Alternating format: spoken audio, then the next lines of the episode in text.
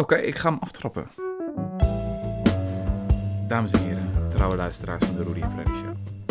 Ehm, ik zit eh, op dit moment bijeen, in het allerdiepste geheim. En ik moet zeggen dat ik wel een klein beetje zenuwachtig ben. Dat heeft deels te maken met dat mijn eh, zeer geliefde co-host er niet is. Eh, hij is ziek, Jesse. Ah. Ja, hij ligt een beetje voor pampus. Maar jullie horen al aan dat lieflijke stemgeluid dat eh, een, een trouwe vriend van de podcast eh, er wel is, Jelma. Gezellig eh, ja. dat je er bent. Ehm, maar de reden dat ik toch vooral een beetje zenuwachtig ben is... ehm, weet je, we zitten hier in het diepste geheim, want we hebben een scoop. We hebben een scoop, hè Jelma? Dat is de eerste keer in de podcast. Ja, dit is de eerste keer in de podcast dat we een scoop hebben. Ja. Wij hebben een stukje nieuws, nou zeg maar gerust groot nieuws met hoofdletters. Ehm, en op het moment, nou ja, op dit moment dat we dit aan het opnemen zijn, weet nog niemand dat. Het is de stilte voor de storm. En we zitten hier ook met de aanstichter. Degene die eh, de klapper gaat eh, veroorzaken. Volgende week. En ehm, ik wil eigenlijk jou de eer geven, Jelma, om even uit te gaan leggen van wat is hier in vredesnaam aan de hand. Ja. ja, onze gast is Roger Cox, advocaat. Ehm, en jullie kennen hem misschien al van de eh, zaak van Urgenda tegen de Nederlandse staat. De zaak die hij voerde en won. Ehm, en hij is hier met ons om te praten over zijn nieuwe zaak. Maar voordat we het daarover hebben, heel even terug naar de vorige keer. Ehm, toen ik jou voor het eerst sprak over de eh, zaak tegen de Nederlandse staat, Roger, toen weet ik nog dat jij zei: Dit gaat al lang niet meer alleen over verdrinkende ijsbieren. Er staan vele mensenlevens op het spel en daarmee is het een vraagstuk van mensenrechten schendingen geworden. En je zei toen dat eigenlijk de vrijheid van de overheid om het klimaatprobleem niet aan te pakken, wat jou betreft, verspeeld was. Die vrijheid was ten einde gekomen, de rechter moest nu ingrijpen. Dus jij riep eigenlijk de derde poot van de democratische rechtsstaat in, de rechterlijke macht, om de politiek te corrigeren. Nou, dat vonnis ging de wereld over. Dat was echt een unicum. En ehm, volgens mij heeft het heel veel advocaten geïnspireerd, maar ook rechters. Er is laatst een vonnis gesproken in een zaak in Nieuw-Zeeland, waarin de Urgenda-zaak ook wordt aangehaald. Dus die is echt de wereld overgegaan. En het grote nieuws is dus dat jij deze redenering nu ook wil toepassen op Shell. Dezelfde redenering, nu niet op de staat, maar op Shell. Daar gaan we het over hebben vandaag. Maar laten we eerst even tijdreizen. Op het moment dat mensen dit thuis horen, heb jij net gesproken op een persconferentie eh, in Amsterdam, in de Amsterdam-toren. Heb je net bekendgemaakt dat jullie dit gaan doen. Wat heb je net gezegd? Ja. eh, wat heb ik net gezegd? Eh, ik heb net gezegd dat we op de dag dat het zal gebeuren, dat is aanstaande woensdag 4 april, wij een deurwaarder met een brief met een aansprakelijkstelling naar Shell hebben gestuurd. En eh, Shell in die brief eh, eh, aansprakelijk houden voor de bijdrage die Shell levert aan, aan het klimaatprobleem en aan de klimaatschade die daardoor in de wereld ontstaat. Mag ik daar heel even uit citeren, want ik vond dat zo bruut klinken. Dat is juridische taal, daar word je gewoon echt een beetje opgewonden van.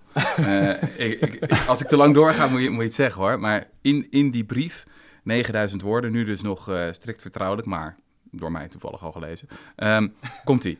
Milieudefensie, want dat is de club waar je mee, waar je mee eh, Ja. samenwerkt. Of Of, we doen het eh, voor, ik doe het voor eh, Milieudefensie. Dus eh, Milieudefensie is eh, degene die Shell aanspreekt en ik eh, help eh, Milieudefensie daarbij. ja. Ja, jij bent de advocaat. Milieudefensie stelt Shell hierbij aansprakelijk voor haar substantiële bijdrage aan klimaatverandering en voor de schade die Shell daarvoor aanricht aan de samenleving en het milieu. Concreet verzoekt Milieudefensie u om binnen acht weken na dagtekening van deze brief schriftelijk namens Shell aan Milieudefensie te berichten 1. Dat Shell de juridische verantwoordelijkheid accepteert om de bedrijfsstrategie en investeringsbeslissingen aan te passen en in overeenstemming te brengen met de mondiale klimaatdoelstellingen zoals vastgelegd in het Klimaatakkoord van Parijs. 2. Dat Shell haar olie- en gasproductie afbouwt, bla bla bla bla bla. 3.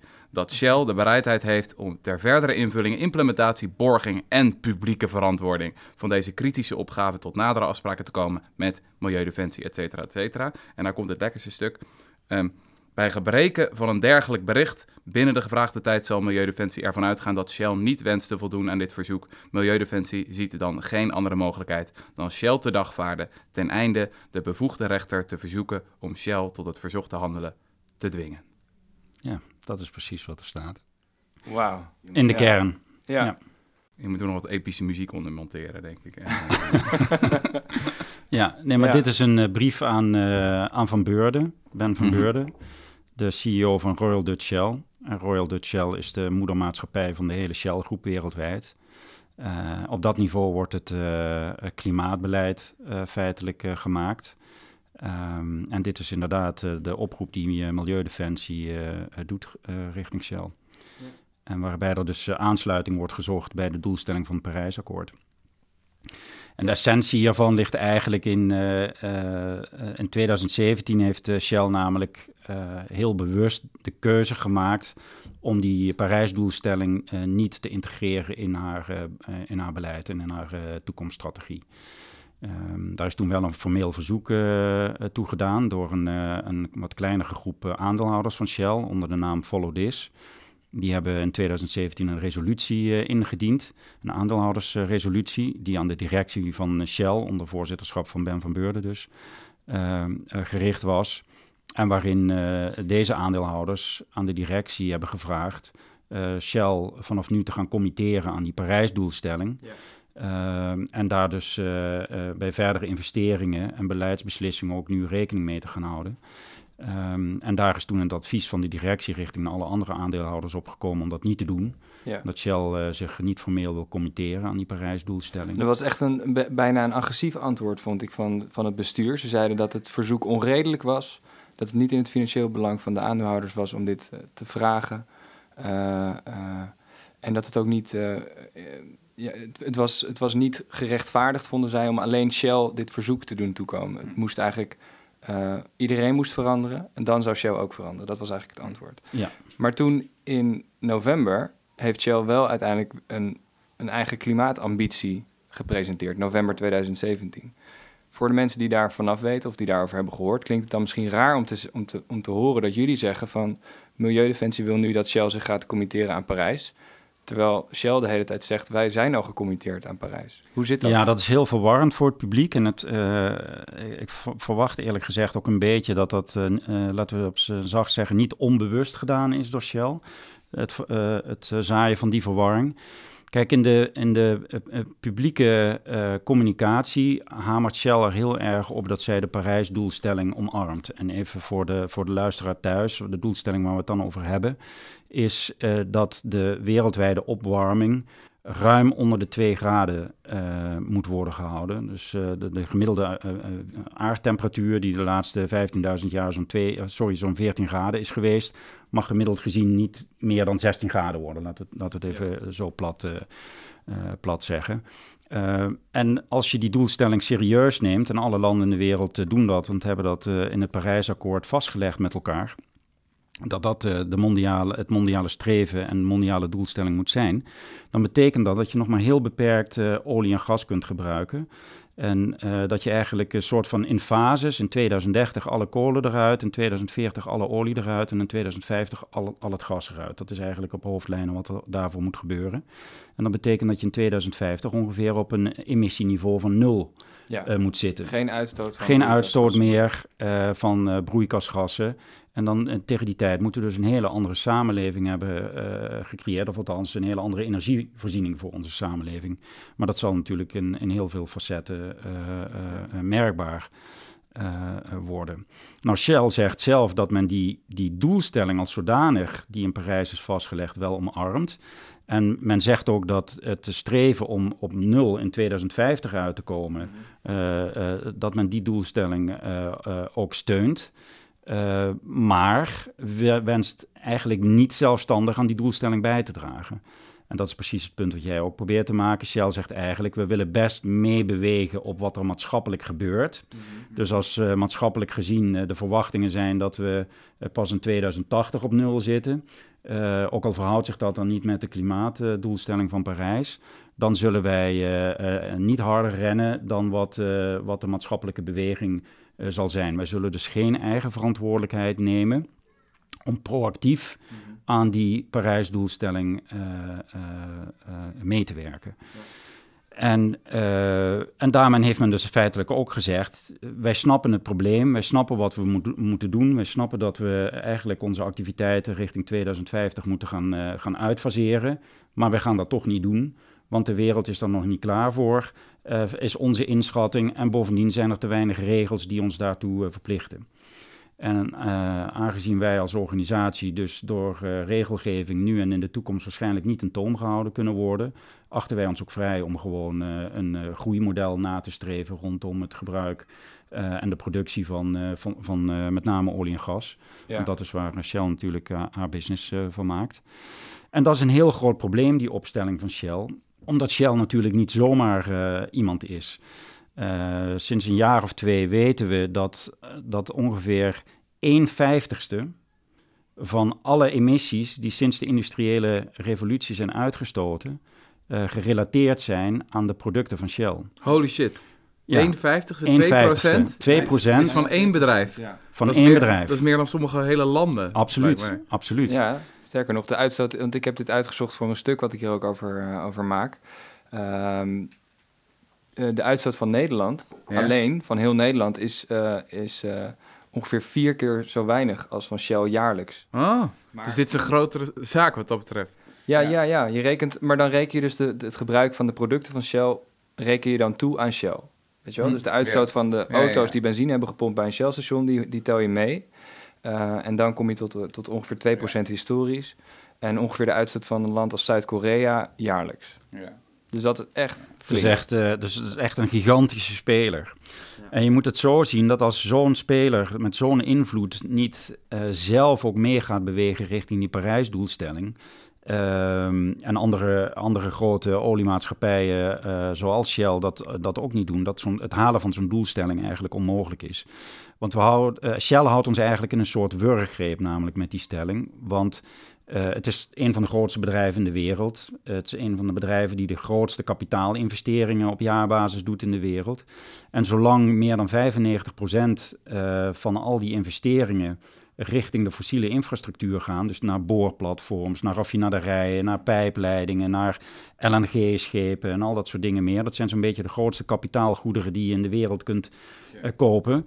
Uh, en dat zijn uh, kapitaalgoederen die in 30, 40 jaar afgeschreven worden. Ja, dus als dus, zij geen verantwoordelijkheid dus elke euro die zij vandaag blijven investeren in die, die soort van trage, grote wereldwijde infrastructuur, terwijl dat nog in 40 jaar terugverdiend moet worden. Ja, dat betekent de facto dat voor die 30, 40 jaar waar het dan over gaat, die emissies ook al ingecalculeerd moeten worden. Uh, dus dus daar waar je nu moet ja. afbouwen, uh, en ook die infrastructuur moet gaan afbouwen. En daarnaast, zal ik maar zeggen, een nieuwe groene energie-infrastructuur moet opbouwen. En dus ook die geldstromen moet gaan verplaatsen. Mm -hmm. Zo houdt Shell die geldstromen, uh, ik zal maar zeggen, allemaal richting het probleem. En, uh, want zij zeggen dan gewoon, nou ja, wij voorzien gewoon dat zeker nog in 2050 meer dan 50% van alle energie door uh, onze producten gegenereerd moet worden. Hè, dus door, uh, door olie, en gas, gas en, ja. en, deels misschien nog wat kolen. Uh, dus wij gaan daar ook volop inzetten en willen daar ook gewoon de grootste speler in zijn en blijven. En creëren daarmee eigenlijk een eigen uh, werkelijkheid. Ja. Dus door die beweging niet weg te maken van olie en gas, creëren zij eigenlijk een enorme drempel om ooit die uh, Parijsdoelstelling te halen. Ja, nee, en dat is misschien ook wel goed om te benoemen, want je zei net 95% van die investeringen gemiddeld, die gaat naar, naar nieuwe olie- en gasprojecten eigenlijk. Of naar het onderzoek daarvoor, of exploratie, naar nieuwe bronnen. Um, Terwijl wij kennen Shell, zeker in Nederland ook als een bedrijf dat, heel, uh, dat zich heel erg profileert op uh, windparken, elektrische auto's. Weet je wel, uh, heeft laatst een overname gedaan van een autolaadbedrijf. werkt aan infrastructuur voor waterstof, tankstations in Duitsland. Het is dus een heel erg bedrijf wat ook in het publieke oog, in het publieke debat naar voren treedt als wij nemen onze verantwoordelijkheid, wij werken hier aan.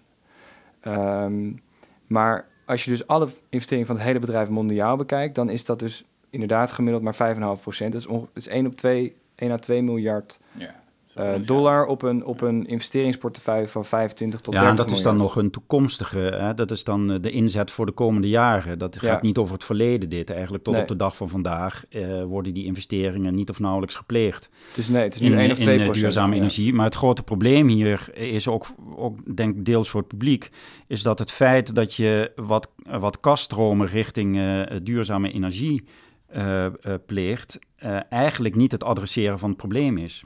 Het adresseren van het klimaatprobleem betekent het afbouwen van fossiele activiteiten. Dat is de kern. Dat is wat eruit moet in de komende 30 jaar. Uh, uh, want feitelijk gezien zou je kunnen zeggen, als de energievraag maar blijft groeien, kun je heel veel nieuwe duurzame energie erbij zetten, maar dan blijven de emissies nog net zo groot. Ja. Uh, dus als er niks afgebouwd wordt aan, aan fossiele energie, dan blijven de emissies zo groot als ze vandaag zijn. En dat, dat is onhaalbaar en, en, en, niet in lijn te brengen met die klimaatdoelstelling van Parijs. Dus, en daar gaat dus de aansprakelijkstelling ook over. De aansprakelijkstelling gaat over de noodzaak om fossiele activiteiten af te bouwen. Dus olie- en gasactiviteiten af te bouwen. Ja. En dat is, ik zal maar zeggen, een, groot verschil met vragen je duurzame activiteiten op te bouwen. En zou je, zou je ons kunnen uitleggen waarom dit nou zo'n juridische revolutie was? Toen eerst in die zaak met Urgenda en waarom dit nu weer een, uh, een baanbrekend moment is. Ik vond het fascinerend om te lezen dat een obscuur arrest uit de jaren 60 de basis heeft gevormd van jullie vorige zaak. Uh, kan, je da kan je daar iets over vertellen?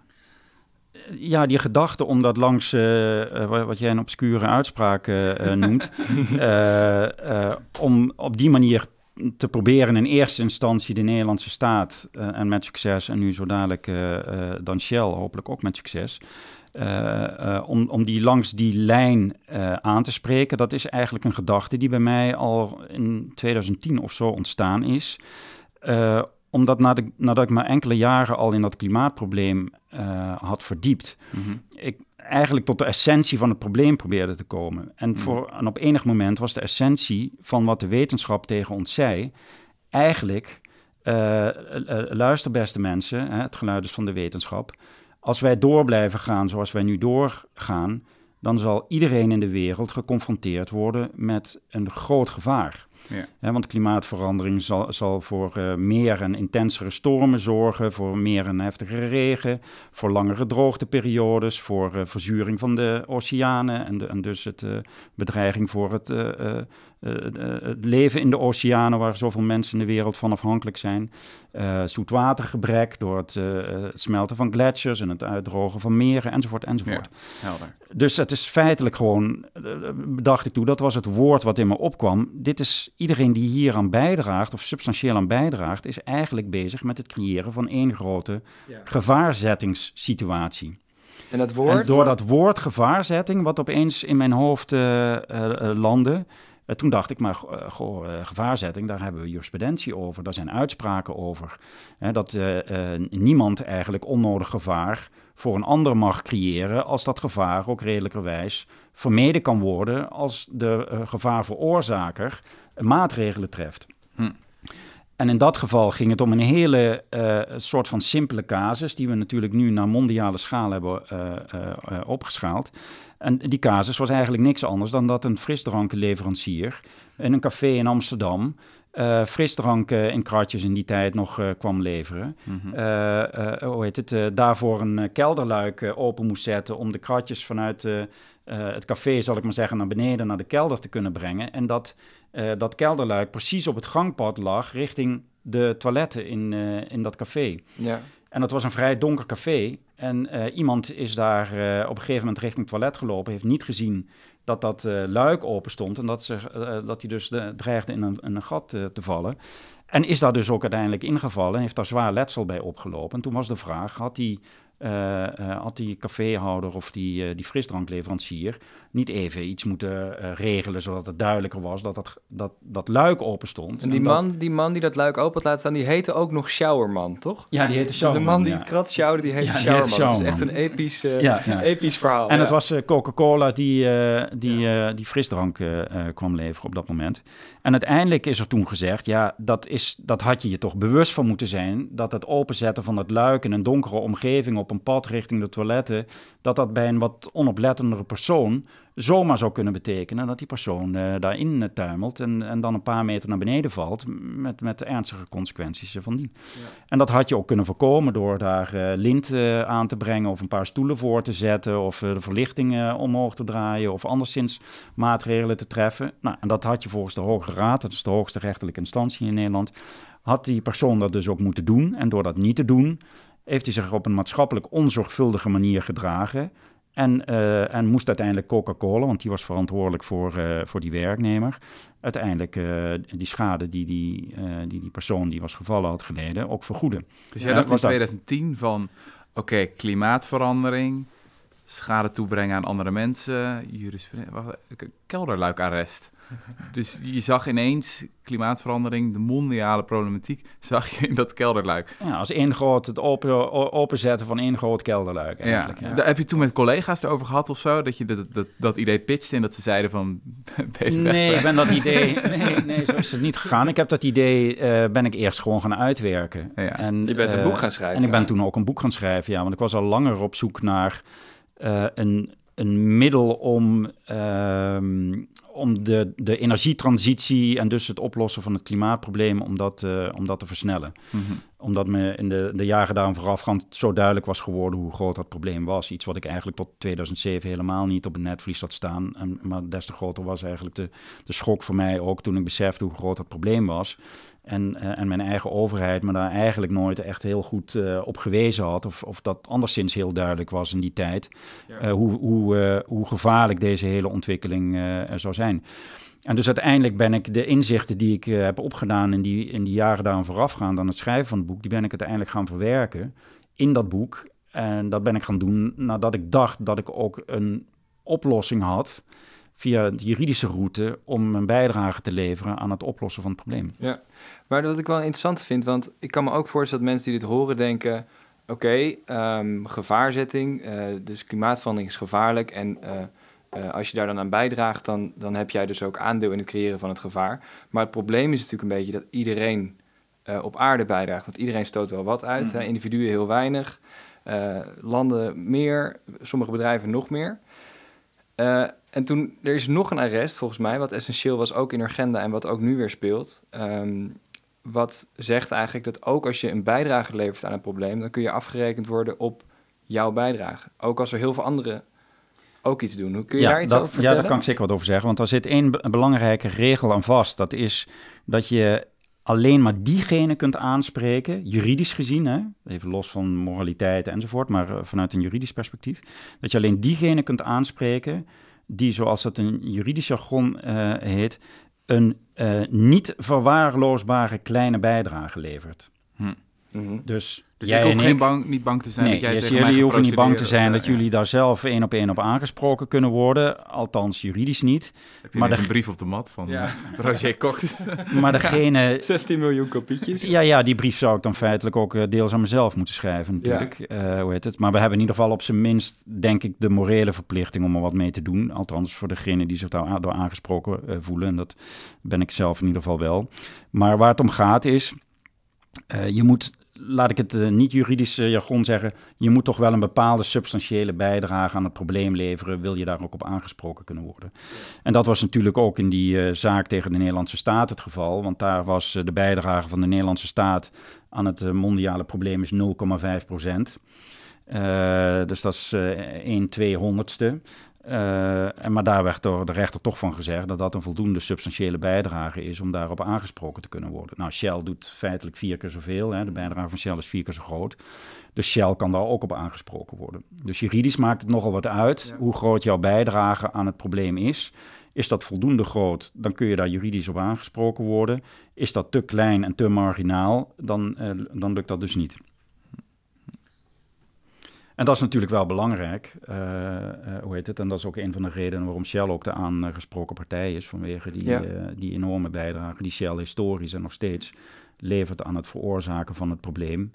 En feitelijk dus formeel geweigerd heeft om het probleem te beperken tot, de, tot het halen van de doelstelling van Parijs. Hè? Ja. Ehm, Ja. Want schade lijden wordt, wordt er nu al geleden. Hè, De doelstelling van Parijs is om die schade eigenlijk te beperken. En dus eigenlijk zegt de hele wereld, het is maatschappelijk onaanvaardbaar om de opwarming van de aarde eh, richting de 2 graden te sturen of nog verder. En omdat het een, een soort mondiale eh, consensus is, een mondiale overeenstemming is over het feit dat we die, die, de, de schadegevolgen van klimaatverandering te groot en te catastrofaal worden als we die 2 graden grens overgaan, ja, is eigenlijk de logische redenering om te zeggen, als dat uh, maatschappelijk uh, wereldwijd als onzorgvuldig wordt beschouwd, mm. dan geldt dat in Nederland ook. En dan brengt de wettelijke maatschappelijke zorgvuldigheidsnorm met zich mee dat jij die twee graden doelstelling gewoon bij jouw verdere activiteiten in acht hebt te nemen als Shell zijnde. Ja. Hey, als, je, ja. als je nou kijkt naar de vorige zaak die jullie hadden tegen de staat en de redenering die de rechter toen heeft gehanteerd en vervolgens nadenkt over wat er nu zou kunnen gaan gebeuren, dan dan, het gevoel dat mij bekruipt is van dit moet kat en bakkie zijn. Dat kan bijna niet anders, toch? Je hebt een veel grotere partij die veel meer schade nog aanricht. Van als de rechter eerst de, die redenering maakte, als het over de Nederlandse staat gaat, waarom zou het dan niet nog een keer doen? Of heb je het idee van nee, dit is weer echt totaal andere zaak? Nee, het is, uh, het is niet totaal anders, maar er zitten wel nieuwe aspecten aan. Kijk, uh, de, de Nederlandse staat en elke staat heeft, uh, heeft een grondwettelijke verplichting om het maatschappelijk belang en het publiek belang te dienen. Ja. Dus dat is natuurlijk een groot verschil met een private partij, die feitelijk uh, op aarde is om primair zijn eigen belang te dienen binnen de kaders van het recht uiteraard. Ook een private partij staat niet vrij om het recht te schenden bij, bij zijn activiteiten. Maar het beginsel, uitgangspunt is toch, uh, ja, verrijk je zo, uh, zo goed en zo kwaad als het kan. als je de regels verder maar niet overtreedt, hè, dus let vooral primair op je eigen belang. Dat is wel een groot verschil met de Nederlandse staat. Um, maar Shell is een heel bijzonder bedrijf en is dus, zoals we net al zeiden, niet zomaar een partij. En daar zijn, zijn een hoop redenen eh, voor om, om, om, om dat ook hard te maken. Uh, een van die aspecten is, uh, zoals jullie zelf al aangeven, die, die, uh, die 2% bijdragen aan het hele mondiale probleem. Dat is nogal wat, hè? als je mm. ongeveer 1 vijftigste van het hele probleem hebt veroorzaakt. Uh, dus van de opwarming die we tot nu toe kennen, de zeespiegelstijging en de temperatuurstijging enzovoort, dat dat allemaal terug te relateren is aan één bedrijf. Maar iets anders is dat, dat Shell ook op andere gronden een hele bijzondere positie en verantwoordelijkheid heeft. En dat leggen we in die aansprakelijkstelling ook uit. Een van die dingen is dat Shell al in de midden jaren 80 uh, wist hoe groot dit probleem was en zou worden in de toekomst. Dus zij hebben zelf al in interne stukken uh, stukken die, die jullie eigenlijk ook uh, recentelijk uh, meer voor het, voor het voetlicht hebben, hebben gebracht. En daardoor ook wat, wat breder publiekelijk bekend zijn geworden. Want ik wist dat daarvoor ook niet. Mm. dus dat was ook zeker een aanleiding om, om die stap onder andere te nemen. Maar zij wisten toen al dat het catastrofale consequenties voor delen van de wereld zou hebben. Dat er klimaatvluchtelingen zouden ontstaan, dat delen in de wereld onleefbaar zouden worden. Uh, dat uh, klimaatverandering zo snel zou kunnen gaan dat de wereldgemeenschap zich daar eigenlijk niet meer goed op aan kan passen. Uh, al dat soort dingen waren al bekend. Um, en sindsdien heeft men in eerste instantie wat indirecte pogingen gedaan om het klein te houden. Uh, maar in de jaren negentig heeft men daar eigenlijk ook juist wel een bepaalde mate van uitvoering aan willen geven. Dus je ziet in de jaren negentig opeens dat Shell uh, zich opeens bewust is en ook in haar interne stukken schrijft dat er toch een zorgplicht en ook een maatschappelijke verantwoordelijkheid is om te zorgen dat uh, dat probleem niet ontstaat. En op een gegeven moment is men daar zelfs zo ver in gegaan dat men ook brede campagnes is gaan voeren en advertenties heeft geplaatst in allerhande financiële kranten in de wereld, waarin men zegt: wij begrijpen dat we moeten wegbewegen van olie en gas en dat wij moeten toebewegen nu naar duurzame energie. Mhm. En Shell uh, gaat nu, hebben we dus over midden jaren negentig, dus wat, wat uh, spreken we dan, uh, meer dan twintig jaar geleden. Mm uh, dat Shell om die reden ook een duurzame tak gaat opbouwen en ook die duurzame tak wil gaan gebruiken om duurzame energie rendabeler te maken. Ja, door Jeroen dus... van der Veer aangekondigd hè, destijds. Dat is, die mocht toen als, die was volgens mij de eerste directeur van de, de nieuwe duurzame energiedivisie van Shell. En het is ook wel grappig dat, dat dat was iets van zeven jaar nadat ze zelf een film hadden gemaakt, die ze in 1991 vertoonde over de wereld. Het was geen geheime film. Uh, die, uh, die hebben we vorig jaar op de correspondent opnieuw gepubliceerd. Waarin ze zelf zeggen van jongens, het is echt menens. we moeten oppassen met het verbranden van fossiele brandstoffen. Want al die gevolgen waar we het net over hadden, die kunnen ontstaan. Maar dat is dus, 91, toch? Dat, die film is 1991. Ja, ik en vond dat zo bizar toen om te zien. Ja. Dat je echt, ja. als je die voorspellingen die ze toen ja. maakten en aanhaalden... dat is gewoon bijna identiek aan wat ja. de wetenschap nu zegt. Ja, nou ja, het was eigenlijk die film van Al Gore uh, in 2006, die dus uh, zei van jongens, we hebben, een, we hebben een heel serieus probleem. Eigenlijk alles wat daarin werd gezegd, zat ook al in die Shell-film van... Van, ja. van, uh, van 15 jaar daarvoor. Ja, Ze weten het al en zij weten het ook al zo lang. Het is een beetje alsof je de eigenaar bent van zo'n café met een kelderluik en je al wat is het, decennia weet dat je kelderluik wagenwijd open staat. Ja. En er niks aan doet. Ja. Maar daar houdt het verhaal ook niet op. Want het, het, eigenlijk wordt het verhaal in zekere zin ook spannender. Want daar waar men in de jaren negentig dat begreep en daar ook stappen is gaan ondernemen. En men ook heeft aangegeven onze toekomstige portefeuille, energieportefeuille, moet uit groene energie bestaan eh, en wat gas. Eh, eh, maar we moeten feitelijk dus wegbewegen van onze bestaande activiteiten. Uh, met de oprichting van die uh, duurzame tak en al die reclamecampagnes die daarbij hoorden, dat, dat Shell het licht had gezien en ik zal maar zeggen die transformatie mm -hmm. uh, zou gaan inzetten. dat heeft uiteindelijk ergens tot de middenjaren nul heeft dat geduurd. En uiteindelijk is Jeroen van der Veer, die eerst op die duurzame afdeling zat, als ik het goed begrepen heb, hè, zo is het toch gegaan, die is ergens rond 2005, 2006 of zo, meen ik, is hij de CEO van Shell geworden.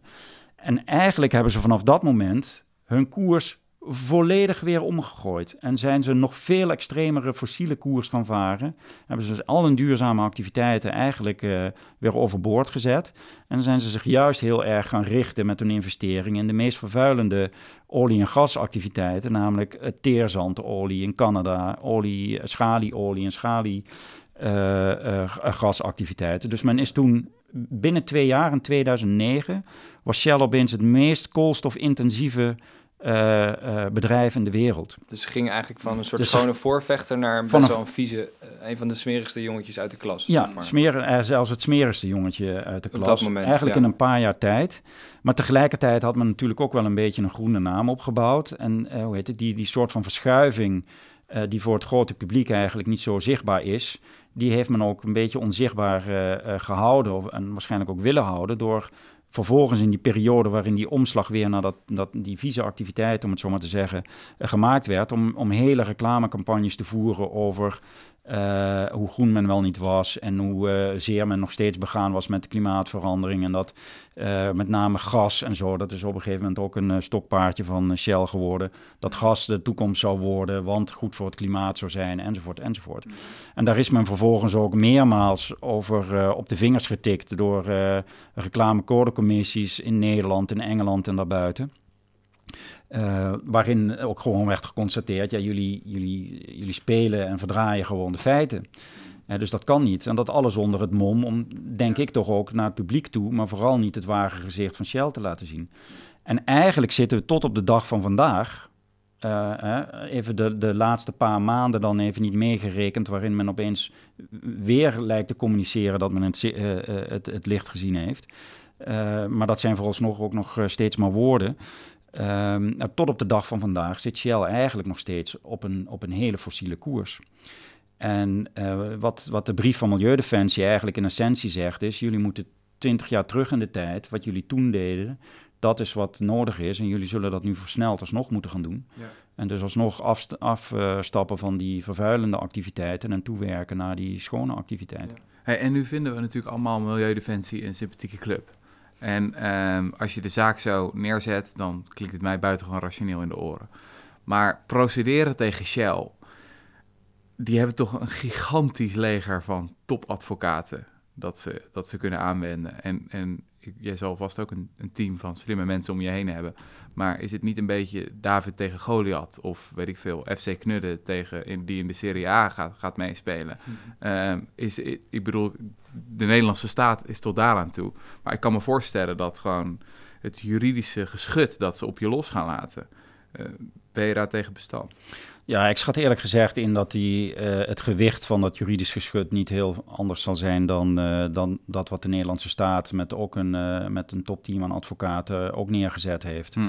Ehm, en ja, ik onderschat mijn eigen kwaliteiten daarin ook niet. Dus ik heb ook niet het idee dat, dat, dat dat een David tegen Goliath gevecht wordt. Ik denk dat dat een heel uh, uh, evenwichtige uh, balans zal zijn. Maar ze hebben toch wel veel meer financiële middelen tot hun beschikking, zei of is dat niet aan de orde? Ja, maar uiteindelijk zal ik maar zeggen, kunnen wij die zaak gewoon voeren. En uh, ik denk dat alle ins en outs die relevant zijn voor het voeren van deze zaak uh, bij mij en op mijn kantoor uh, heel goed bekend zijn. Hm.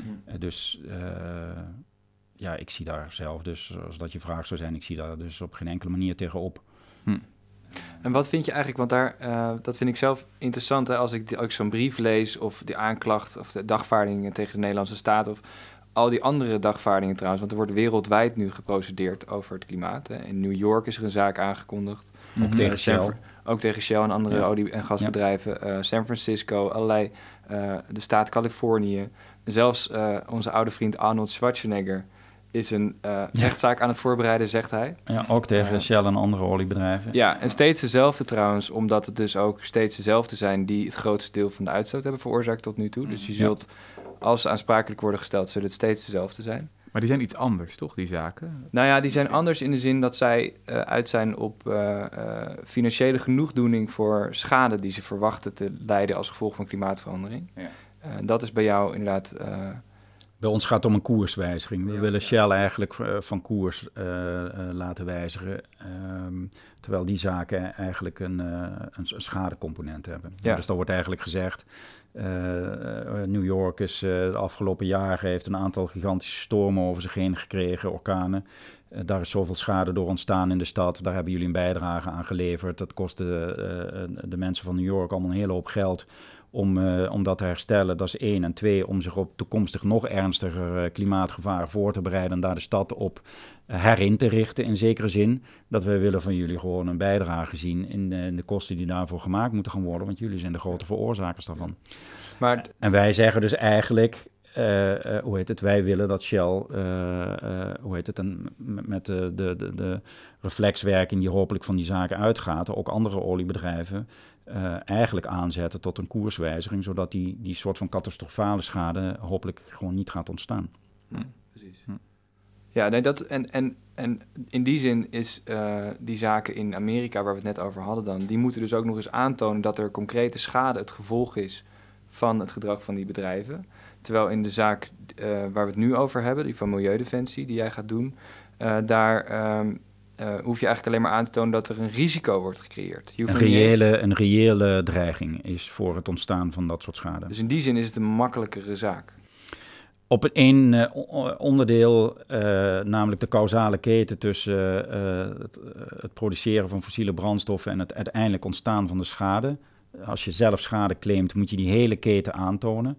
Eh, eh, hoe heet het, dat laatste stukje hoeven wij in deze zaak, ehm, als het goed is, niet aan te tonen, omdat je kunt volstaan met het feit dat er een reële dreiging op, op die schade en op dat gevaar is. Ja, maar precies. Maar eh, wa- wat ik dus zo interessant vind als ik die stukken lees, ook over van die andere rechtszaken. En er zijn eh, commissies van mensenrechten eh, die zich met re- mensenrechten bezighouden, hier ook zich over buigen. Het zijn eigenlijk een, een groeiend leger van advocaten wereldwijd en juristen en rechters wat zich hiermee bezighoudt. En ehm, in vergelijking met het publieke debat is het zo ongelooflijk veel meer gedetailleerd en veel meer gedegen en veel meer doordacht. En al die argumenten zijn uitgespeld. En daardoor is het soms complex. Eh, het, is ook, het, zijn geen eh, makkelijk leesbare stukken, maar ze zijn wel eh, heel functioneel, denk ik, ook in het uitleggen van wat er nou eigenlijk aan de hand is.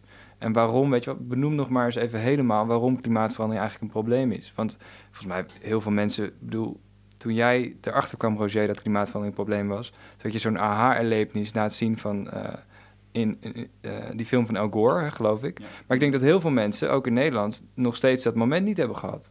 En dat is ook logisch, want de overheid hoor je er nog steeds niet echt Nee. veel over. Er wordt wel gezegd van ja, oh ja, trouwens vandaag best wel groot nieuws, we gaan stoppen met de gaswinning in Groningen. Mhm. Dus er er gebeuren wel dingen, maar er wordt zelden uitgelegd van dat er nog steeds een reële kans is dat het misgaat. En dat er al heel wat opwarming in de pijplijn zit, omdat het klimaat met vertraging reageert op onze uitstoot. En al dat soort dingen, ehm, die staan in die aanklachten helemaal, of in die dagvaardingen helemaal uitgelegd. En dat, vind, dat maakt, vind ik, een heel interessant middel ook in het, in het debat. Ja, dus zelfs als je verliest, is het een Ja. manier om ongelooflijk hoeveelheid aandacht te genereren. Nou, en dat is, dat is ook eh, eigenlijk een van de redenen die ik toen ook eh, in mijn boek Revolutie met Recht eh, eh, al aanhaalde, is dat het recht ook daadwerkelijk voor die groene revolutie kan zorgen, juist vanwege dit fenomeen. Want wat je zag in die tijd, en nog steeds maar in mindere mate, is dat over dit soort problemen in, in praatprogramma's tien minuten wordt gesproken. En dan eh, willen we graag zien dat er iemand voor en iemand tegen is, waardoor ook een heel verkeerd beeld ontstaat over wat de wetenschap ons nou zegt. Hè? Dus als er wetenschappelijk eh, voor 97% vaststaat dat klimaatverandering door de mens wordt veroorzaakt. Eh, eh, hoe heet het, maar je zet twee mensen aan tafel waarvan Ja. de een zegt ja en de ander zegt nee, dan is het voor de gemiddelde kijker is daar geen, geen chocola van te maken natuurlijk, want dan lijkt alles gewoon onzeker. En dat is ook wel een beetje het beeld wat vaak in de media ontsta- eh, ontstond, tot, tot voor kort denk ik toch, is dat het allemaal wel heel onduidelijk en onzeker was. En ik heb toen al gezegd, in de media kom je dan mee weg om van alles te roepen en niks te onderbouwen. Want de meestal is degene die je interviewt of zo aan zo'n tafel, weet eigenlijk ook niet waar het probleem eh, precies om gaat. Dus die kan eh, het kalf ook niet van het koren schijnen, weet ook niet wat waar is en wat niet waar is. Maar als je een, recht, een, een rechtsprocedure begint, dan is alles wat je zegt, moet je ook kunnen bewijzen. En ik heb altijd gedacht, nou als wij dus naar de, recht, eh, naar de rechter gaan en we leggen dit allemaal uit met al het bewijs wat er is, uitgerekend een rechter is er toe uitgerust om bewijs te waarderen en daar eh, gevolgtrekking aan te verbinden. Als wij naar de rechtszaak gaan, dan zijn we af van al die one-liners. Dan zijn we al af van die, van die quotes eh, die, die niet langer dan een zinnetje mogen zijn. Dan zijn we af van die zogenaamde discussie die er in de wetenschap nog zou zijn. Want de rechter zal niet anders kunnen dan constateren dat die discussie helemaal niet meer is. En dat die er al heel lang niet meer is. En die zal ook alles lezen en die zal ook alles afwegen. En eh, vandaar stond ook mijn idee, als we dat eenmaal aan een rechter duidelijk weten te maken, dan kun je zo'n zaak al bijna niet verliezen. Want op het moment dat die doorheeft hoe groot dit probleem is, dan zal die datzelfde diezelfde erlevenis hebben waar jij het net over had. Namelijk dat dat, dat, dat raakt je hart. Dat is, dat is niet iets meer wat rationeel is. Op het moment dat je weet hoe groot dit probleem is, dan, eh, dan, dan voel je dat tot het diepst van je botten. En ik denk ook daadwerkelijk dat we dat in de eerste zaak ook heel goed aan de rechter hebben uit eh, weten te leggen. En dat, eh, hoe heet het, dat die ook echt begrepen hebben waarom, waarom hier ingegrepen Ja. moest worden. Het kan natuurlijk nog steeds ook, hè, want het, we zit, je zit helemaal aan het begin van dit proces met Milieudefensie. Het kan zijn dat, dat de eerste rechter die het hoort zegt: Ik vind het. De staat was tot daaraan toe. Het hoge beroep in de agendazaak loopt nog. Loopt, Hè? ja. Het kan ook zijn dat, eh, dat eh, de staat het hoge beroep wint. En dan is de zorgplicht, eh, zoals dat heet dan in juridische termen, die op de staat rust, is ineens weer wat minder stabiel. Nou, dan is het een bedrijf nog een horde te ver. Het zou kunnen dat de rechter zegt, joh, als dat hoge beroep nou was gewonnen door agenda, stel, stel dat die uitspraak er al ligt, dan, dan zou ik ook een bedrijf wel aansprakelijk willen stellen. Maar ik weet het allemaal nog niet zo zeker. Kom over een paar jaar nog maar eens terug. Bedoel, als, als hij geen zin heeft, dan beroep? kan hij dat ook zeggen. Ik denk eh, dat hoge beroepen eind van het jaar of zo, schat ik in. Van dat daar pas ja. een uitspraak Is zal dat, zijn. is dat ontzettend spannend? Het kan nog alle kanten op gaan? Of hoe moet ik Ja, dus elke zaak kan, eh, kan eigenlijk alle kanten op gaan. Maar het feit dat er nu een heel goed eh doortimmerd vonnis ligt van de rechtbank in Den Haag... maakt wel, denk ik, dat het gerechtshof weer wel een hele goede huizen moet komen... om dat, eh, dat vonnis weer te vernietigen. Ik denk wel dat de rechtbank dat zo goed geformuleerd en ge- gemotiveerd heeft... dat er toch een hele grote kans is dat dat vonnis eh, overeind blijft. En kunnen ze dan nog een keer een hoger beroep? Nou, dan kun je eventueel, dat hangt er vanaf waarom het hoger beroep niet ge- geslaagd zou zijn in dat geval door de staat. Dan zou je dus eventueel nog in cassatie kunnen gaan bij de Hoge Raad. Dus Ja. dat, kan nog, eh, dat kan nog zomaar een paar jaar duren. Ja, precies. Maar dat recht ontwikkelt zich. Maar het is dus het is niet gezegd dat de rechter die jij eh, voor je krijgt ook zal zeggen: Ik vind het inderdaad mijn taak om een multinational te beteugelen.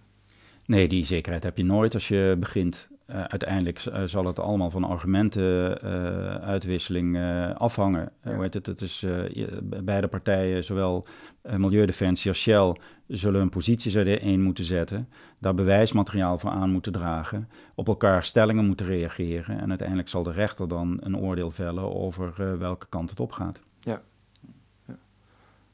Spannend. Ja, echt. Ja, het is, een, eh, het is een, zeker een hele spannende zaak. En eh, ik denk ook dat eh, wat, wat daarnaast denk ik heel spannend is, is dat je steeds meer andere maatschappelijke krachten ook ziet die eh, op een andere manier ook een pijlen richten op dit soort bedrijven. En we hebben het nu specifiek over Shell, dus laten we het daar ook maar even bij houden.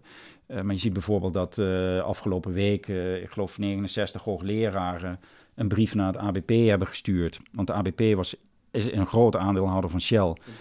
is een pensioenfonds, is een groot aandeelhouder van Shell. En is een van de pensioenfondsen geweest die vorig jaar nog tegen die, eh, die aandeelhoudersresolutie eh, eh, heeft gestemd. Die feitelijk beoogde te bereiken wat wij nu met deze rechtszaak eh, beogen te bereiken. En hoogleraren roepen ABP ook op om om een verantwoordelijkheid als aandeelhouder van Shell ook te nemen. En nu alsnog voor die resolutie te stemmen. Want er is nu weer een nieuwe resolutie ingebracht die ongeveer dezelfde strekking heeft. Dus daar moet weer over gestemd gaan worden. In mei van dit jaar is dat, geloof ik.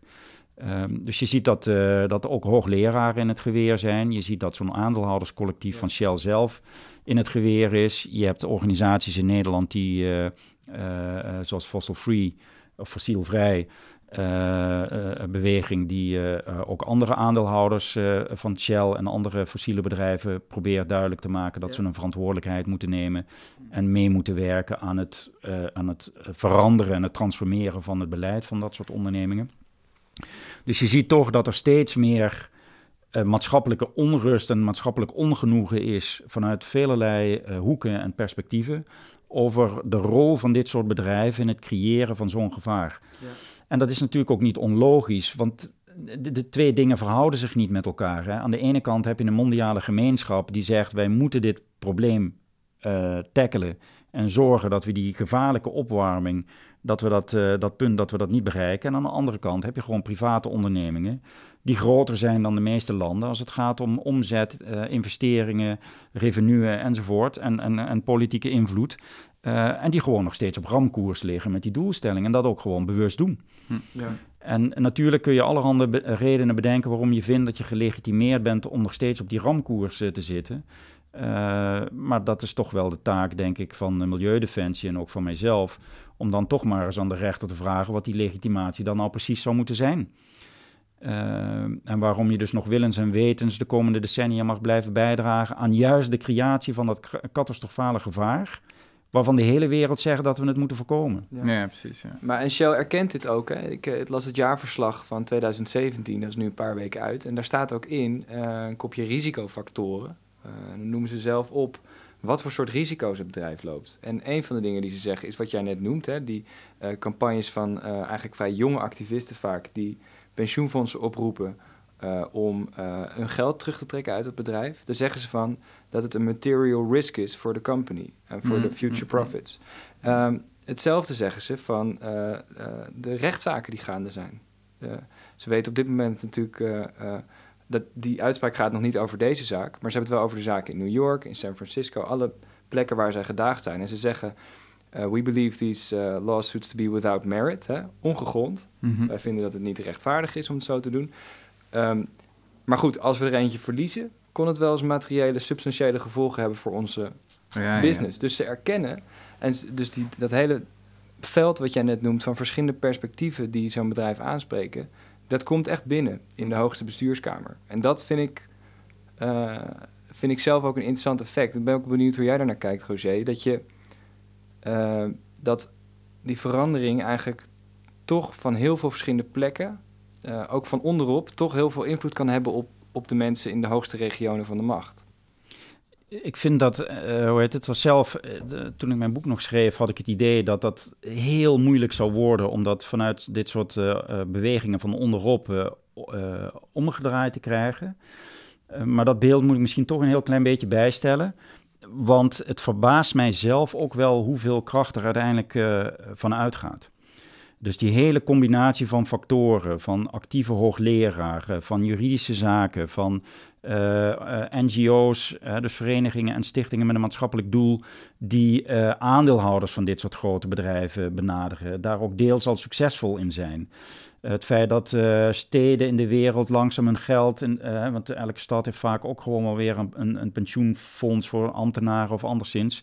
Uh, dat geld eigenlijk uit fossiele activiteiten halen en eigenlijk naar de groene kant overhevelen.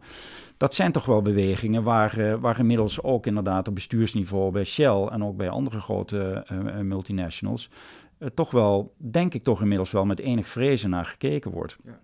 Maar men blijft denk ik heel erg zitten in de oude film over hoe zij zelf, want ze zijn natuurlijk groot geworden. Shell bestaat al sinds 1890. Hè. Die zijn in een koloniale tijd samen met de Nederlandse overheid en, en uiteindelijk later ook de Engelse overheid zijn die groot geworden. Die zijn met elkaar verstrengeld. Die hebben ik zal maar zeggen, altijd op een oude manier met ons kent ons en netwerken en interactie en samen optrekken en samen in joint ventures zitten uh, enzovoort enzovoort. Die kennen elkaar van haven tot gort en die denken ook dat ze dat hele speelveld kunnen blijven controleren. Dat zie je ook met die hele discussie van ook weer Jeroen van der Veer overigens, die probeert aan het Nederlands volk nog duidelijk te maken dat zo'n ING-man 3 miljoen uh, moet verdienen. En ik geloof dat die, die snappen dat er rumoer komt, maar die denken dat ze dat allemaal nog op de oude manier, zal ik maar zeggen, onder de, uiteindelijk gewoon klein kunnen houden. Het rumoer zal er komen, maar ik heb een heel goed argument bedacht waarom ik kan zeggen dat we het toch zo moeten gaan doen. En die snappen niet dat dat sentiment in de samenleving uiteindelijk gewoon toch anders is geworden. Ja. Ik heb het idee dat steeds meer in de bevolking geldt, als het niet goed voelt, dan zal het ook wel niet goed zijn. En het voelt niet goed dat iemand die uh, in een too big to fail organisatie, hè, banken die gered moeten worden door een overheid, ook straks weer als het, uh, als het niet zo goed, goed zou zijn, dat die mensen opeens gewoon uit die ruif kunnen blijven graaien uh, totdat ze een ons wegen. En dus dit soort salarissen naar zich toe kunnen trekken. En dat dat dan allemaal maar onder het mom gaat van ja, maar ja, zo werkt de wereld. En uh, ergens anders in een ander land uh, betalen ze zo iemand ook zoveel. Ja. dus zij onderschatten, denk ik, wat er in de samenleving gaande is. en die, die, die inschattingsfout zouden ze ook wel eens heel goed kunnen maken rondom het sentiment van hun uh, bedrijfsactiviteit op dit moment. Hè. Dus ik denk dat zij nog steeds heel erg in de strategie zitten. Oké, we eerst proberen zo lang mogelijk die twee graden norm eigenlijk een beetje buiten beeld te houden. En in 2004, uh, eh, sorry, 2014 hebben ze daar ook een hele uh, inkijkgevende open brief over geschreven. Hè, over in welke film zitten die mensen bij Shell nou eigenlijk, althans daar in de top. En dat was eigenlijk, nou ja, wij gaan ervan uit dat het gewoon 3 tot 4 graden gaat worden. Dat we die doelstelling helemaal niet gaan halen. Dus daar is ons businessmodel op geënt. Dus wij enten ons businessmodel gewoon op het feit dat die twee graden norm, die toen ook al bestond en die in het Parijsakkoord een paar jaar later dus nog eens aangescherpt, uh, dat dat niet gehaald gaat worden. En dat is waarop we onze investeringen uh, plegen. Dus nou ja, zoek het eigenlijk maar uit. Hè. Ja. Maar nu zie je dat dat gevaar van die twee graden norm steeds dichterbij komt. En het lijkt er wel op alsof ze nu zeggen, nou ja, laten we dat dan maar omarmen, maar laten we dan van daaruit gewoon weer alle banden gaan oprekken dus dan zie je, dan hebben ze het over die 2 graden norm. En voor het publiek wordt dat ook allemaal op één hoop gegooid. Hè? Want de 2 graden norm is feitelijk al lang verlaten nu door Parijs. Het moet nog, die temperatuur moet nog lager blijven, omdat de wetenschap zegt dat de gevaren nog groter zijn dan ze aanvankelijk uh, uh, dachten. Maar zij houden het dan op die 2 graden en gaan dan kijken. Uh, feitelijk gezien, dat is mijn interpretatie over wat er nu gebeurt. kijken hoe ze zoveel mogelijk die banden op kunnen rekken om te zeggen hoe de wereld zich zou moeten ontwikkelen en dan toch nog onder die twee graden zou kunnen blijven. Ja, ik, ja. En het oprekken van die branden heeft maar één doel, is nog steeds zo lang mogelijk gewoon en zoveel mogelijk fossiele brandstoffen kunnen blijven verkopen. Ja. En ik denk dat dat toch een inschattingsfout gaat blijken te zijn. Volgende week begint de revolutie met recht. Uh, of althans, de tweede wordt stap die, wordt die voortgezet. Dat past helemaal in uh, wat uh, wij van de Rudy en Freddy Show en de luisteraars van de Rudy en Freddy Show ook van houden, namelijk de zwarte vlag. Uh, Hij is toch weer uh, mogelijk. Ja, de zwarte vlag, de zwarte vlag. Uh, Jelmer, ik heb eigenlijk tot slot nog, nog twee vragen aan jou. Um, als mensen hier meer van willen weten. Je hebt er nog een aantal andere stukken over op de Zeker. correspondent. Er staan op het moment dat, je, dat u, lieve luisteraar, dit hoort... staan er op de correspondent verhalen over die doelstelling van Shell zelf. Dus dat Shell zegt, wij voldoen aan Parijs. Dat is dat een uitgebreide fact-check op de correspondent op dit moment... waarin ik uitleg dat dat toch niet helemaal klopt... Um, mm. Die kun je lezen. Een stuk over de zaak. Mm -hmm. Een profiel van de man bij ons aan tafel, Roger Cox.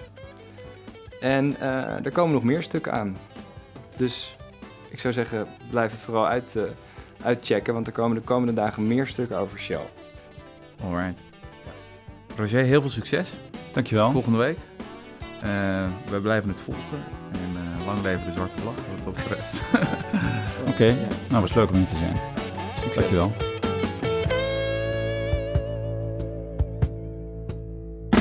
Lieve luisteraars, um, net een heel interessant gesprek gehoord met Roger Cox. Maar toen we klaar waren, realiseerden we ons dat we één ding eigenlijk nog niet echt goed hadden uitgelegd. Dat is namelijk hoe het proces vanaf nu eruit gaat zien. Nou, Shell die ontvangt vandaag een brief op 4 april.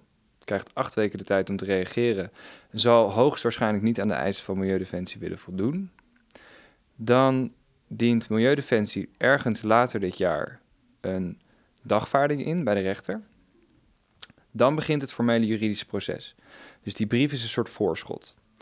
eh, een aansprakelijkheidsstelling. En dan, als die dagvaarding is ingediend, dan kan Shell daarop reageren. Vervolgens mag Milieudefensie weer reageren op het antwoord van Shell. Vervolgens mag Shell weer reageren op het antwoord van Milieudefensie. Nou, zo wordt het steeds ingewikkelder. Maar ze mogen een paar keer op en neer. Dan wordt er op een gegeven moment ook gepleit in de rechtbank voor de rechter. En pas dan komt er een vonnis. Ja, in de agendazaak is eigenlijk precies hetzelfde gebeurd. En daar duurt het ongeveer twee jaar tussen de, tussen de dagvaarding en het moment dat er een vonnis was. En daarna, zoals ook bij Agenda is gebeurd, kan er altijd nog een hoger beroep komen. Dus de verwachting is dat het sowieso wel een paar jaar zal duren. En het kan ook eerder stranden.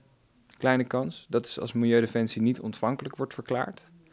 Maar zoals Roger uh, ook uh, uitlegt in die brief die hij vandaag verstuurt namens Milieudefensie, is het niet heel waarschijnlijk dat die zaak eerder strandt, omdat um, in het Nederlandse recht mogen organisaties die voor een bepaald belang staan ook opkomen voor dat belang als het geschonden wordt. Dus Milieudefensie mag, omdat het strijdt voor, zoals ze zelf zeggen, een uh, rechtvaardige en duurzame wereld, mag Milieudefensie ook Shell aanspreken omdat het die belangen schaadt. Dat waren de laatste details waarvan we dachten het is nog wel nuttig om te vertellen. En uh, zo gauw Shell reageert, kun je ook dat lezen op de correspondent. Dus um, ik hoop jullie daar uh, in de bijdrage te treffen. en natuurlijk in de volgende Rudy en Freddy Show. Dank voor het luisteren.